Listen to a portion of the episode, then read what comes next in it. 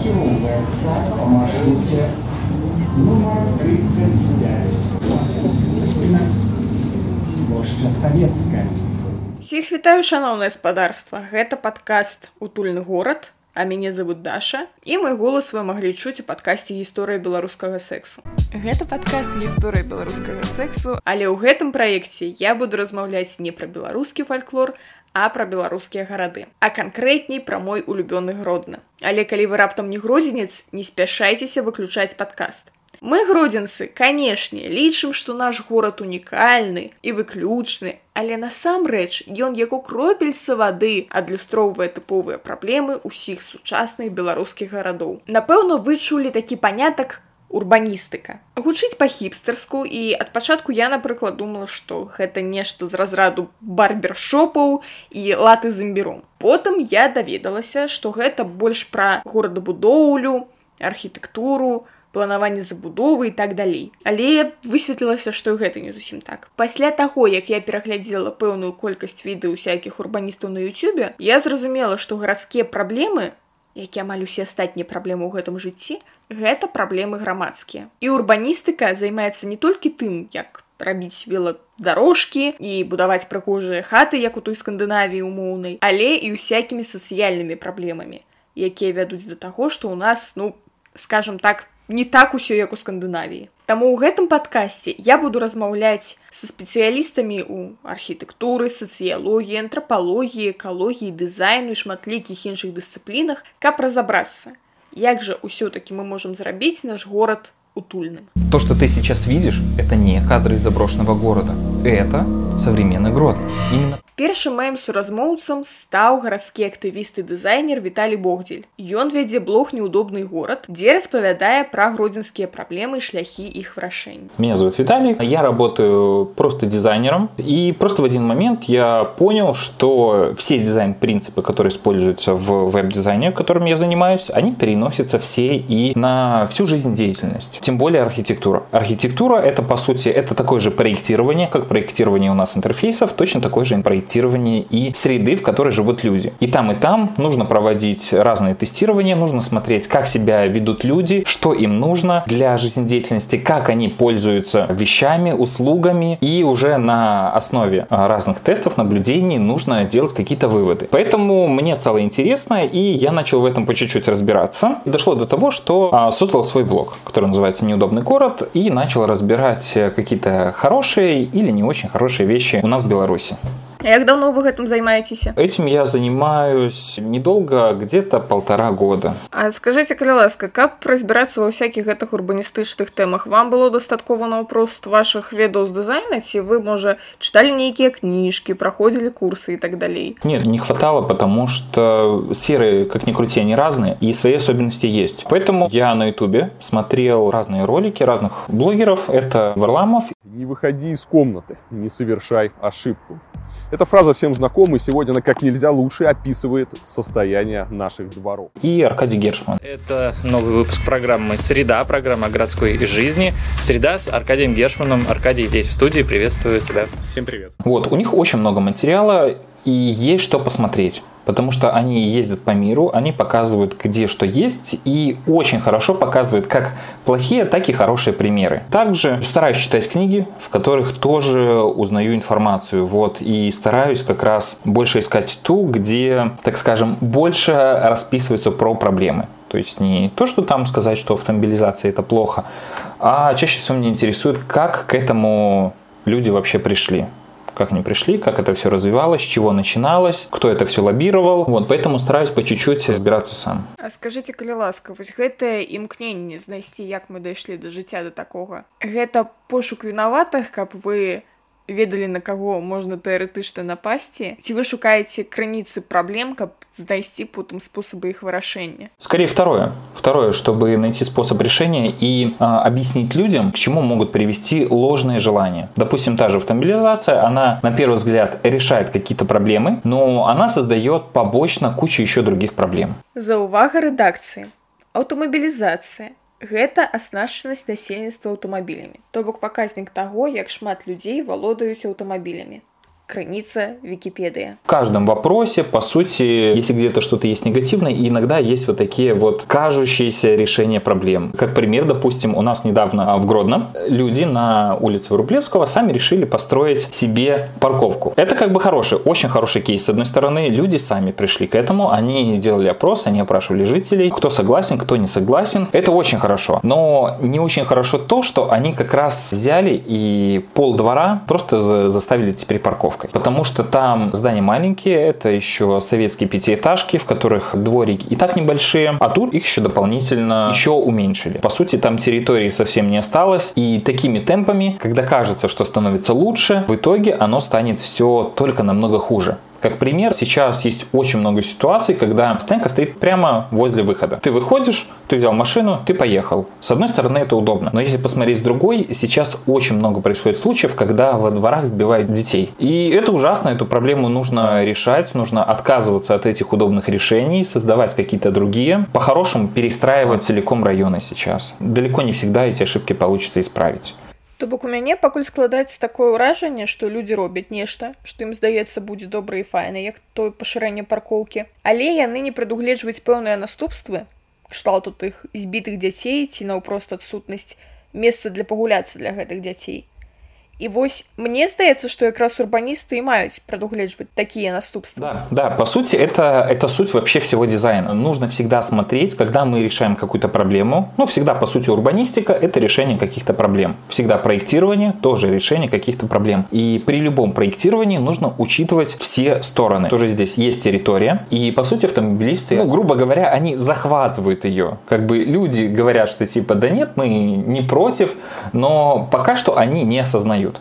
А те, кто это лоббирует, просто выполняют свою цель. Про других участников они не думают, про тех же детей. Вы скажите, вы сказали, те люди, якія гэта лабіруюць, а вы маеце на увазе непасрэдна аўтамабілістаў якія там збіраюцца паркавацца ці ёсць нейкія темные да, жители жители обычные которым нужна парковка решений просто сейчас много а в таких местах часто строят либо какие-то многоуровневые парковки ну либо выносят куда-то их подальше опять же людям будет не очень удобно это нужно очень много заплатить за постройку многоуровневую и ее нужно поддерживать если выносить куда-то далеко, тогда понятно, что нужно будет ходить уже куда-то ножками. Вот. А этого люди вот таблице не любят. Им нужно вот, вот вышел из дома, сразу чтобы было. Вот очень хорошо сейчас некоторые районы предусматривают эту проблему и делают подземные парковки. Точнее, часть подземных и часть наземных. Дворы остаются открытые, они остаются свободные. Там можно делать все, что угодно. Свободно и безопасно. А это какие районы Гродно, например? А в Гродно, допустим, у нас такого нету. У нас есть только один дом. Дом возле ЖД вокзала. Ну, пока что судить рано о том, что там вообще есть, потому что, ну, один дом это не район. Там нету связи не выстроено, ничего. Но, допустим, а, есть район Грандич в Гродно. Там уже начали выносить парковки за пределы двора. Там уже, когда гуляешь, ты себя намного безопаснее ощущаешь. Там легче выходить из дома, не чувствуя сразу же, что тебе нужно как-то быстро торопиться, чтобы там перебежать эту парковку. Еще на Девятовке делают. Сейчас построили один такой домик. Ну, примеров немного. Но уже по чуть-чуть какая-то тенденция, она начинает закладываться. Давайте мы с вами еще поговорим про основные проблемы, какие есть у Гродно. Мы с вами уже узгадали автомобилизацию. До речи, что это такое автомобилизация? Коли зашмат автомобилей? Да, ну, грубо говоря, да, когда очень много автомобилей. И самое главное, это когда нет адекватного контроля над ними. В пределах жилых кварталов никакого контроля нету. Там парковок никогда не хватает. Людям ставить автомобили некуда, поэтому они ставят где-то на газонах, где-то в чужих дворах, на чужих местах. Появляются конфликты, много проблем сразу же появляется. Самое главное, что очень мало возможностей для э, выбора альтернативного для себя вида передвижения. Можно брать общественный транспорт. Он у нас, в принципе, более-менее, но очень редко ходит. Здесь просто нет такой свободы выбора, как с автомобилем. Автомобиль почему его выбирают? Потому что это легко и просто. Ты сел, ты поехал, куда тебе нужно, легко, быстро сделал все свои дела. Другое дело, когда тебе нужно подстраиваться под общественный транспорт, который будет через полчаса, через час. Тот район, где я живу, он может быть через два и через три часа. Мягко говоря, спланировать адекватно свой день уже невозможно. И, естественно, будут мысли, что нужно покупать автомобиль. Есть вариант развивать велосреду, которую в Европе активно развивают, в Голландии, допустим. И там потихонечку люди, они переходят на велосипеды, потому что это очень удобно. Это то- точно так же быстро, как с автомобилем, просто не так комфортно. Там есть для этого условия. У нас условия сложноваты, потому что есть очень много переездов с очень высокими бордюрами. У нас абсолютно не выстроена коммуникация велосипедиста и пешехода, потому что чаще всего делают это все прямо на одной дороге. Рядом пешеходы, рядом велосипедисты. И это самая большая ошибка. Вдвоем они существовать не могут. Каждый забирает чужое место. Ну, опять же, приводит и конфликтам, и каким-то авариям. Примеры хорошие есть, когда все выносят прямо на проезжую часть. Тогда эти конфликты избегают. Пешеходы знают, где их территория, автомобилисты знают, где их территория, велосипедисты знают, где их территория. Скажите, калі ласка, а у чым уласна праблема? Кожны мае свой аўтамабіль, кожны можа даехаць куды заўгодна. Проблема больше в том, что если, допустим, посчитать к население города, любого города, допустим, как у нас Гродно, 350 тысяч человек, если попробовать посчитать, чтобы у каждой семьи был хотя бы автомобиль, площадь парковок, она превысит площадь города. Нічога так. Просто сама площадь, она используется неэффективно. В то время, когда там могли устраиваться новые дома, привлекаться могло новое население, э, что-то для бизнеса, что-то для отдыха, оно занимается парковками. И, к сожалению, все это может привести, если у каждого будут автомобили. Такая ситуация, как, допустим, в Калифорнии, когда э, у всех рай, у всех есть свой отдельный дом, у всех есть машина, несколько машин. При этом там нужно потратить огромное количество времени, чтобы доехать в магазин, чтобы отвезти детей в детский сад, чтобы доехать на работу, обратно. И по исследованиям там люди тратят на это все просто, чтобы вернуться домой, там, зайдя по пути в магазин за ребенком, а могут потратить по 3-4 часа. И к хорошему это не приводит, потому что люди, они становятся просто несчастнее. Зразумела, вы скажыце, калі ласка, пробкі ў нашым горадзе. Хто спрабаваў у грудні выехаць з цэнтру куды-небудзь яшчэ а шостай гадзіне ўвечары, той мяне зразумее, што гэта амаль немагчыма. Дык вось, гэта не праз тое, што ў нас аўтамабіляў зашмат, каб яны ўсе раз'ехаліся. Ну, это просто показывает то, что у нас количество автомобилей превышает, с- сколько может использоваться на данных дорогах. Опять же, в хороших странах делают выделенные полосы для общественного транспорта. Прикол в том, что на вот этих полосах автобусы, они не стоят в пробке. Даже в Минске, в Минске такие есть, и можно посмотреть, когда там дороги загружены, весь проспект, он может стоять. Выделенная полоса для автобусов практически всегда свободна. Если вводить больше таких решений, тогда можно э, людей больше привлечь а, как раз к общественному транспорту. Пробки, они тогда также уменьшаются. И э, намного меньше вероятность, что из-за общественного транспорта будет какая-то пробка, нежели чем из-за автомобилистов. Потому что тоже я, когда работал в центре, я видел, что в основном пробки происходят из-за аварии автомобилистов. И на мосту постоянно авария, либо на кольце возле табачки. Все, ребята столкнулись, заняли собой две полосы. Все, и получается, из трех остается только одна свободная. Понятно, что здесь будут образовываться пробки. Как решить? Ну, это никак не решить. Это просто человеческий фактор. Опять же, если будут выделенные полосы везде, общественный транспорт, он будет проезжать везде без проблем И будет привлекать с собой людей, которые будут понимать, что на автобусе, троллейбусе доехать можно проще, быстрее, можно лучше контролировать свое время, и пробки будут только уменьшаться. Дарэчы пра кантроль часу таксама наше гродзенскае пытанне я калі жыла ў паўднёвым мне чтобы дабрацца ў цэнтр трэба было загадзя планаваць свой дзень таму што транспарт ходзіць вельмі рэдка то бок ходзіць маршруткі якія ўсіх бесяць і ходзіць 21 аўтобус дай бог калі два разы на гадзіну і у сувязі з гэтым у мяне пытанне а чаму ж транспарт так рэдка ходзіць можа вы ведаеце Смотрите, чем меньше людей выбирает общественный транспорт, тем хуже становится как раз-таки вот этот контроль времени. Потому что меньше нужно перевозить людей. Естественно, у администрации ответ на то, что нужно меньше пускать автобусов. Все, все звучит логично, и в принципе это может быть оправдано, чтобы транспорт не возил с собой пустой воздух. Опять же, ситуация с Южным, когда там в основном очень много частных домов, коттеджей, там людям проще на машине туда добраться, чем на автобусе. Если как раз-таки у нас бы развивали автобусную среду, люди, возможно, начали бы чаще пользоваться, естественно, начали бы чаще пускать автобусы. Одни решения тянут за собой другие.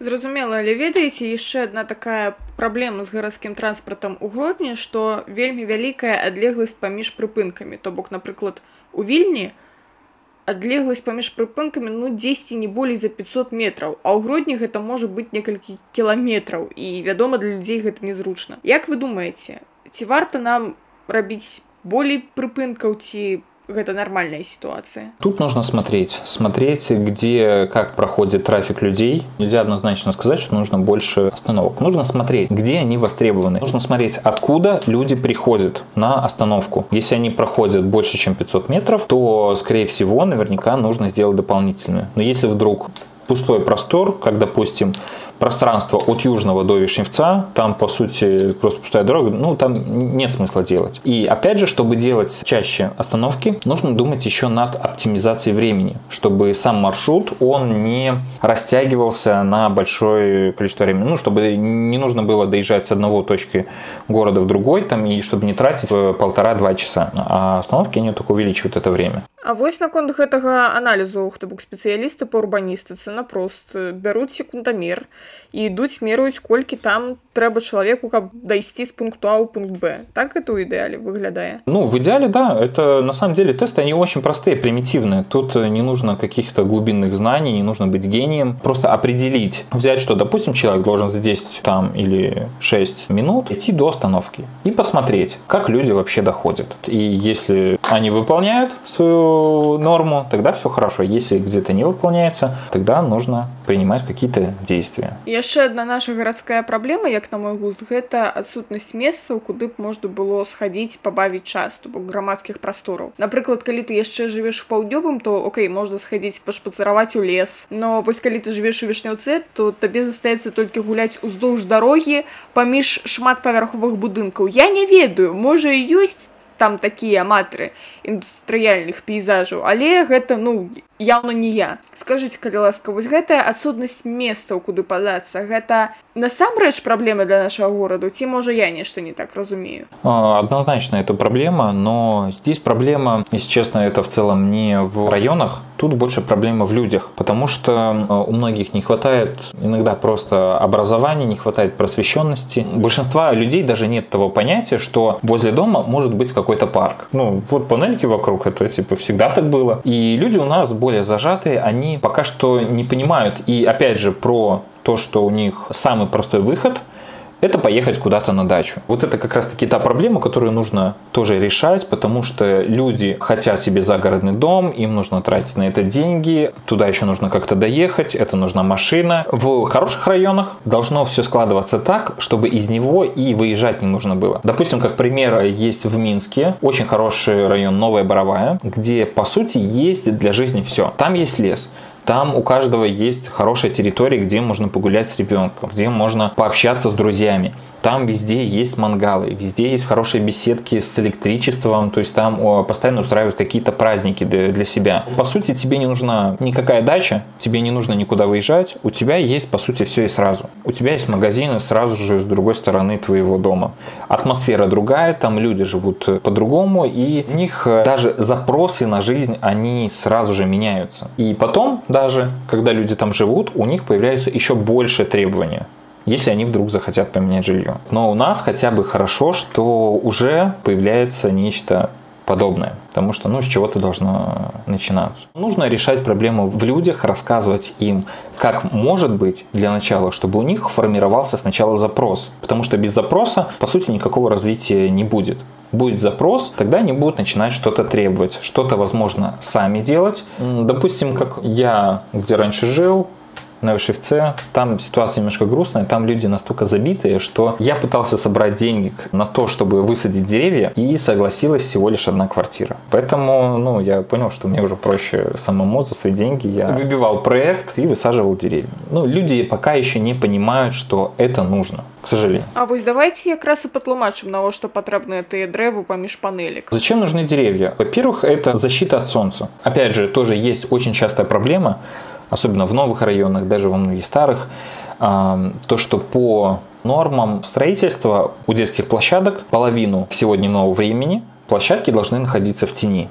Вот это у нас абсолютно не соблюдается. Это, я считаю, очень большая проблема, потому что бывают очень жаркие дни, когда люди могут ну, просто пострадать. Это тепловой удар, это просто получение вот ультрафиолета. Вот, поэтому нужно от него защищаться, нужно больше зелени. А с другой стороны, это эстетическая часть. Когда высаживать деревья, просто само пространство, оно становится привлекательнее для других людей, для посещения, для того, чтобы вообще проводить там время. Есть еще такая особенность интересная. У нас в инстинктах заложена такая вещь, что людям комфортнее всего находиться в каких-то таких скрытных местах. Всегда люди выбирают какие-то места закрытые больше, чем открытые. Ну, все это исходит из древности, когда у людей была потребность э, в защите, чтобы их не обнаружили.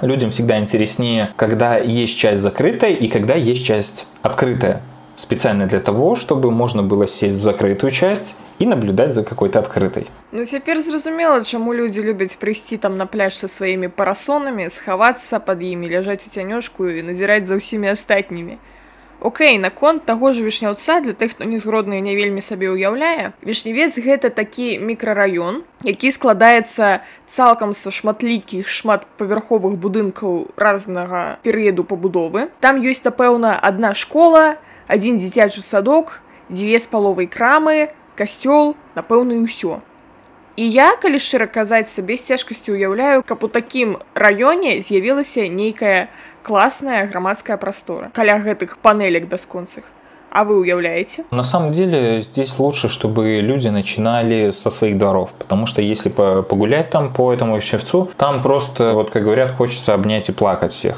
Все разбитое, все ужасное, там просто не хочется задерживаться. Ты просто проходишь эти дворы, чтобы, не дай бог, там не засидеться. Когда люди начнут сначала контролировать свою территорию, тогда будет появляться запрос и на то, чтобы создавать какие-то дополнительные пространства больше общественные. Ну, всегда все начинается с малого. Сначала начинается с квартиры, потом начинается с площадки на своем этаже, потом целого дома, потом идет двор, и потом уже идет городские проблемы. У нас пока что люди, они застревают а, конкретно на своей квартире. Ни у кого нет вот этого ощущения, что им принадлежит ну, далеко не только вот эта площадь, которую они покупают. На самом деле у людей площади куда больше. Опять же, это лестничные площадки. Дворовая территория, она как бы по закону не принадлежит, но по сути есть возможности для того, чтобы ее благоустроить, чтобы повлиять на какие-то изменения. Если решить вот эти проблемы, тогда город, он начнет сам себя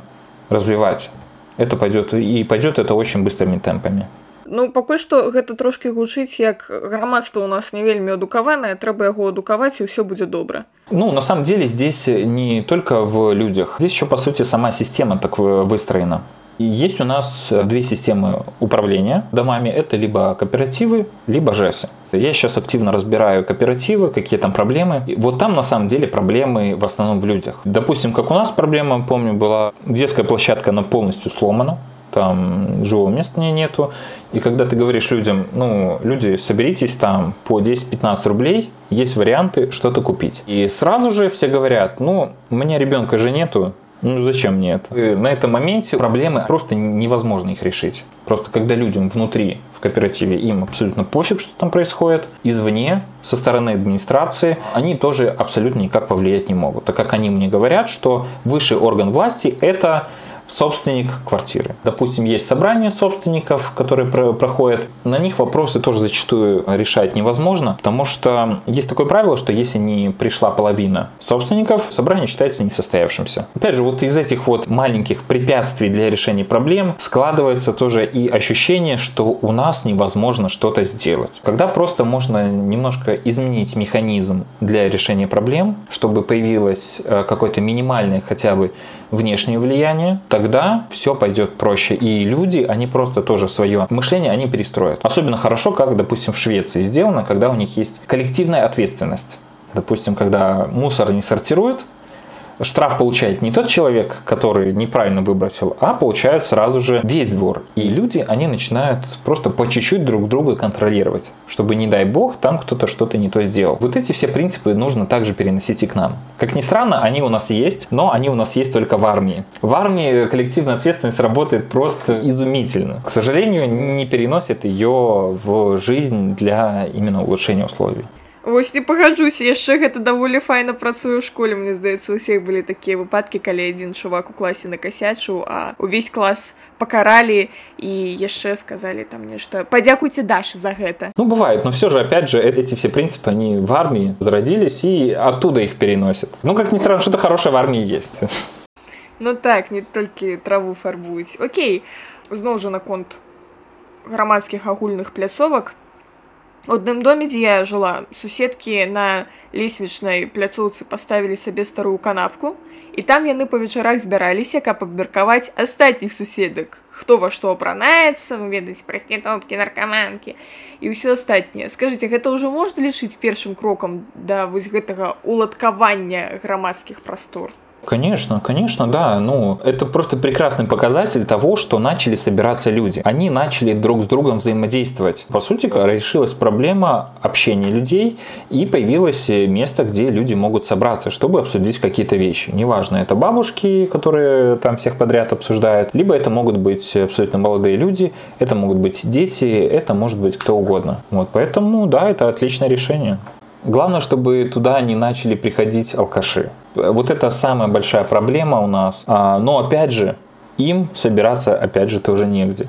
Ну, раньше были во дворах разные заведения, такие пивнухи. Ну, это я не, не одобряю это все, но опять же, просто э, не бухали на детских площадках. Сейчас мест нету, выпить, отдохнуть негде людям. Такая востребованность есть, и они покрывают ее вот как могут. К чему это все приводит? У нас бухают на детских площадках, и самое простое решение у людей – это просто демонтировать детскую площадку. Но по факту это закрывает только проблемы на полгода. Через полгода все равно ребята возвращаются, потому что деваться им просто некуда. А выкликать милицию на тех, кто распивая спиртные напои, не не вариант. Почему-то не позволяет культура так сделать. Я как раз таки наоборот за то, чтобы все это контролировать, но, к сожалению, у нас люди не любят таких решений. Могут потом вычислить у нас легко, кто, кто же это вызвал милицию. І бывает такое, што могуць і атамсціць. Слухайце, ну вось калі вяртацца да тэмы дваравых прастораў, што могуць зрабіць людзі, каб не скидываться на тое уладкаванне двара по тысячы даляраў зносу, а такімі бюджэтнымі сродкамі неяк палепшыць стан прыхатняй тэрыторыі. Допустим, как в кооперативах, люди скидываются каждый месяц какие-то небольшие деньги. У них есть это в оплате. Есть деньги на капитальный ремонт. Нужно просто начать эти деньги контролировать. Все, большего не нужно, потому что, по сути, из этих денег, даже собирая по чуть-чуть каждый месяц, за пару лет можно насобирать на просто великолепные условия для своего двора. Цены на все у нас не такие уж большие. То есть поставить одну лавочку в месяц – это очень легко. На беседку пару месяцев. На детскую площадку тоже пару месяцев. В принципе, за пару лет можно обновить абсолютно все. Окей, okay, какие темы мы уже узгадали? Аўтамабілізацыя, пляцоўкі, грамадскі транспарт – есть у вас яшчэ якія-кольвек претензий до нашего города? Ой, претензий много. Вело велоструктура сейчас у меня, наверное, в приоритете. Ее как бы у нас пытаются делать, но как-то не умело. Опять же, просто у людей пока что не сформирован запрос. Мало с чем можно сравнить с тем, как должно быть. Хотя решения, они могут лежать на поверхности. Допустим, в Могилеве я там был, и там есть очень интересный мостик. Он довольно широкий, и разделили все на две части. С одной стороны пешеходная часть, с другой стороны велосипедная. И самое интересное, что там сделали, вот у нас в городах полно дешевой вот этой дурацкой разноцветной плитки, серого, зеленого, красного цвета. Там додумались до того, чтобы зеленой плиткой выложить именно велодорожку. Серая обычная дорожка. Люди видят цветовой маркер, это уже другой. Это типа уже не твоя дорога. Все, они туда не ходят. По сути, решение простое, оно может водиться абсолютно в любом городе. Просто линия на тротуаре, она зачастую ни о чем не говорит. Зразумела. Карацей, калі мы ўжо пачалі гаварыць пра добрыя прыклады таго, што можна рабіць з горадам, скажыце, калі ласка, ёсць у вас нейкая улюбёная прастора ў Гродна, якая просто классная? Сложно сказать. Скорее всего, нету. Есть какие угодно, есть хорошие, есть плохие, но прям такое, чтобы что-то было любимое, ну, мне сложно назвать. Хотелось бы, конечно, больше общественных пространств, даже того, что в центре. Мне эти посещать места не хочется, потому что есть у нас парк центре, который заставлен каруселями, там шумно, там постоянно бухают, абсолютно нет желания там гулять. Есть Калужский парк, он тихий, но до него далеко добираться. Есть набережные, тоже там не хватает деревьев, ты на открытом пространстве, то есть там задерживаться абсолютно нет никакого желания. Ну и у нас там еще мотоциклы гоняют тоже постоянно. По сути, каких-то таких вот общественных пространств у нас, к сожалению, нет в Гродно. А як вам пляцоўка каля драмтэатру, Таму што мне здаецца гэта такі добры прыклад самаарганізаванай прасторы. ведаеце там такая роўная паверхня каля драмтэатру там даволі вялікая плошча і там тусуецца моладзь катаюцца на ўсякіх скейтах роварах і пачынаюць там знаёміцца спаткацца і ўсё такое А Это хорошее место, но здесь оно хорошее не из-за того, что там продумали что-то, оно хорошее немножко по другим факторам. Для вот этих вот детей, которые катаются на скейтах, им важны две вещи. Это ровная поверхность, и самое главное, это внешнее внимание. Потому что там большая проходимость людей. Ну, надо просто показать себя детям. Это нормально, это круто. Рассматривать как какое-то общественное пространство. Опять же, оно открыто, никаких деревьев нету, по сути, развлечений тоже особо нету. Это проходное место. Ты пришел, посидел максимум 15 минут, уже становится скучно, особенно если под солнцем это не очень хорошо. Ну, красиво только на закатах. Но все остальное время там, по сути, делать нечего. Те же ребята сейчас на скейтах, на велосипедах, а из-за того, что их выгоняют из-под драмтеатра, они нашли себе другое место. Возле универмага.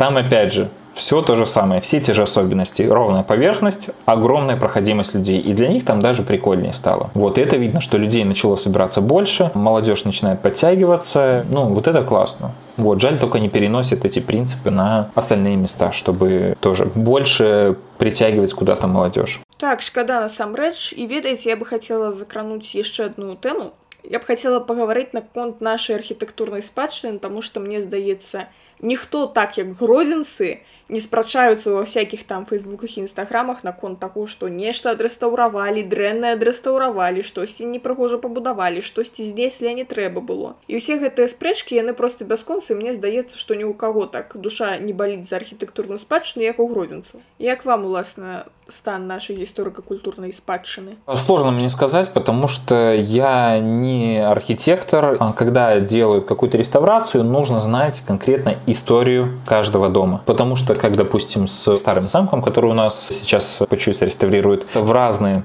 время он выглядел абсолютно по-разному. Какой из вариантов нужно выбрать? Ну, честно, я не знаю. Ну, тут, скорее всего, с историками нужно такие вещи обсуждать. Я только могу сказать, там, красиво, некрасиво. Подходит ли под всю структуру, которая выстраивается визуальную. Окей, але як дизайнер, скажите, калі ласка, прыгожа атрымліваецца стары замок? Ну как, если смотреть издали, то нормально, но если подходить поближе, рассматривать, чего сделан, как сделан, что внутри, становится очень грустно. Видно криво, косо, пусто. Возникают вопросы, короче. Очень-очень много вопросов, когда близко уже наблюдаешь. А як вам нядаўна пабудаваны дом рыбака, які таксама выклікаў спрэчкі ў гэтых ваших інтэрнетах? Ну, насчет него, честно сказать, не могу. Я не знаю конкретно, какой он был, что с ним можно сделать. Выглядит он в целом в весь архитектурный ансамбль, он вписывается. Мне больше было грустно, конечно, когда у нас а, в доме связи взяли сейчас, переделали, там было такое большое стекление из стеклоблоков, и создавался такой очень брутальный стиль. Советский брутализм, который был просто великим. И сейчас там застеклили все современными стеклами. По сути, это превратилось в какой-то торговый центр сейчас. Весь брутализм, весь стиль, он абсолютно ушел, его потеряли. Эта эпоха мне чуть-чуть поближе, поэтому я могу что-то о ней судить. Что-то дальше мне еще сложновато, еще нужно разбираться Слухайте, ну гэта ж таксама даволі дыскусійная тэма ці варта гэту ўсю архітэктурную спадчыну аддаваць наўпрост на суд мастацтвазнаўцаў і гісторыкаў ці дызайнеры таксама маюць права нешта сказаць наўпрост пункту гледжання прыгожа не прыгожа Нет, на самом деле всегда э, при любом проектировании должно быть общение общение разных сторон. Не может быть такого, что один человек может отвечать за такой огромный проект. Ни в коем случае. Нужно, чтобы все общались, чтобы архитекторы спрашивали сначала у историков, как оно было. Историки им предоставляют информацию, архитекторы что-то проектируют, идут обратно к историкам. И тогда уже начинается обсуждение того, нормально что-то, ненормально, где что можно потянуть, улучшить. Именно из такого общения как раз-таки и выходит чаще всего адекватное решение. Потому что когда только одна сторона э, какая-то, ну, будут продавливать что-то одно, и в итоге явно кому-то не понравится. дызайнеры скажуць непрыгожа гісторыкі скажуць неаўтэнтычна зразумела Ну што напэўна мы з вами можемм зрабіць такую выснову што галоўная наша праблема ўсё ж такі ў свядомасці людзей і наша задача як людзей якія маюць пэўныя рэсурсы рабіць усякія адукацыйныя штукі накшталт вашага блогу нашага падкасту і так далей а вось скажыце чаму на вашем ютубе я больше не бачу новых відэа яны мне так падабаліся Ну, к сожалению, сейчас посложнее стало со временем, потому что у меня, допустим, у меня нет никакого финансирования, мне не помогает. Вот, э, когда делаешь это в одиночку, ну, все становится сложновато. Еще я и менял работу, поэтому чуть-чуть нужно мне времени, чтобы обратно вернуться. Сейчас жду, пока появится возможность, чтобы получить визу, чтобы можно было привести с собой какие-то живые примеры хороших благоустройств. Мне не очень нравится брать какие-то картинки из интернета, потому что чаще всего это все однобоко. Точно так же, как и у нас могут с одной стороны показать, что это хорошо, а за стеной там может быть все очень плохо. Тем более, когда я помню, был в Риме, Рим очень красивый город, если не заходить куда-то в маленькие дворики, потому что, ну, ну, просто воняет там ужасно. Там нет туалетов, там ничего, люди справляют нужду где, где попало. Поэтому хочется разобраться для начала самому, посмотреть и привести уже конкретно хорошее решение. Зразумела я з вами згодная і што яшчэ магу сказаць што Еўропа Еўропе рознь насамрэч нават розніца паміж літвой і Польшчай яна ну каласальная Да, я тоже, когда был в Литве, в Вильнюсе, тоже заметил, что, ну, немножко видновато. Это, это та же Беларусь, пока что застыла она в развитии. Ну я ўвогуле мела на ўвазе што ў Польшчы яшчэ горш чым у літве а увогуле што магу сказаць пра вільню з аднаго боку выдзеленыя полосы для транспарту ёсць веладарожкі ёсць безбар'ерная сяродзіна дзесьці ёсць дзесьці яго няма з архітэктурнай спадчынай ўсё больш-менш А вось што наконт тых жа рэнавацыі панелек ну тут гэтыя старыя раёны выглядаюць так жа дэпрэсіўна як у нас бо з тымі панелькамі нічога амаль не рабілі Да, к сожалению. Што ж ну тады пажадаем літоўцам удачы і нам таксама Дзякую вам вялікі што сёння прыйшлі да мяне ў падкаст Можа маеце яшчэ што сказаць нашим слухачам Ну, что тут скажешь? Пускай люди просыпаются, смотрят, что у них вокруг, пытаются вычислить проблемы, которые у них есть, и пускай пробуют эти проблемы решать. Все, все опять же начинается с малого. Начнут решать проблемы у себя мелкие, легко потом будут решать и глобальные. Зразумела Дзякуй вам вялікі И вам спасибо. Дзякуй і вам шаноўны нашы слухачы спадзяюся вам спадабаўся наш першы выпуск калі так то подписывайтеся на наш подкаст каб не пропусціць новыя выпуски стаўце лайки зорачки і усякія астатнія прыемныя адзнакі пішыце каментары аб чым бы вы яшчэ хацелі паслухаць у нашым падкасці усім дзякуй за ўвагу пачуемся Набывайте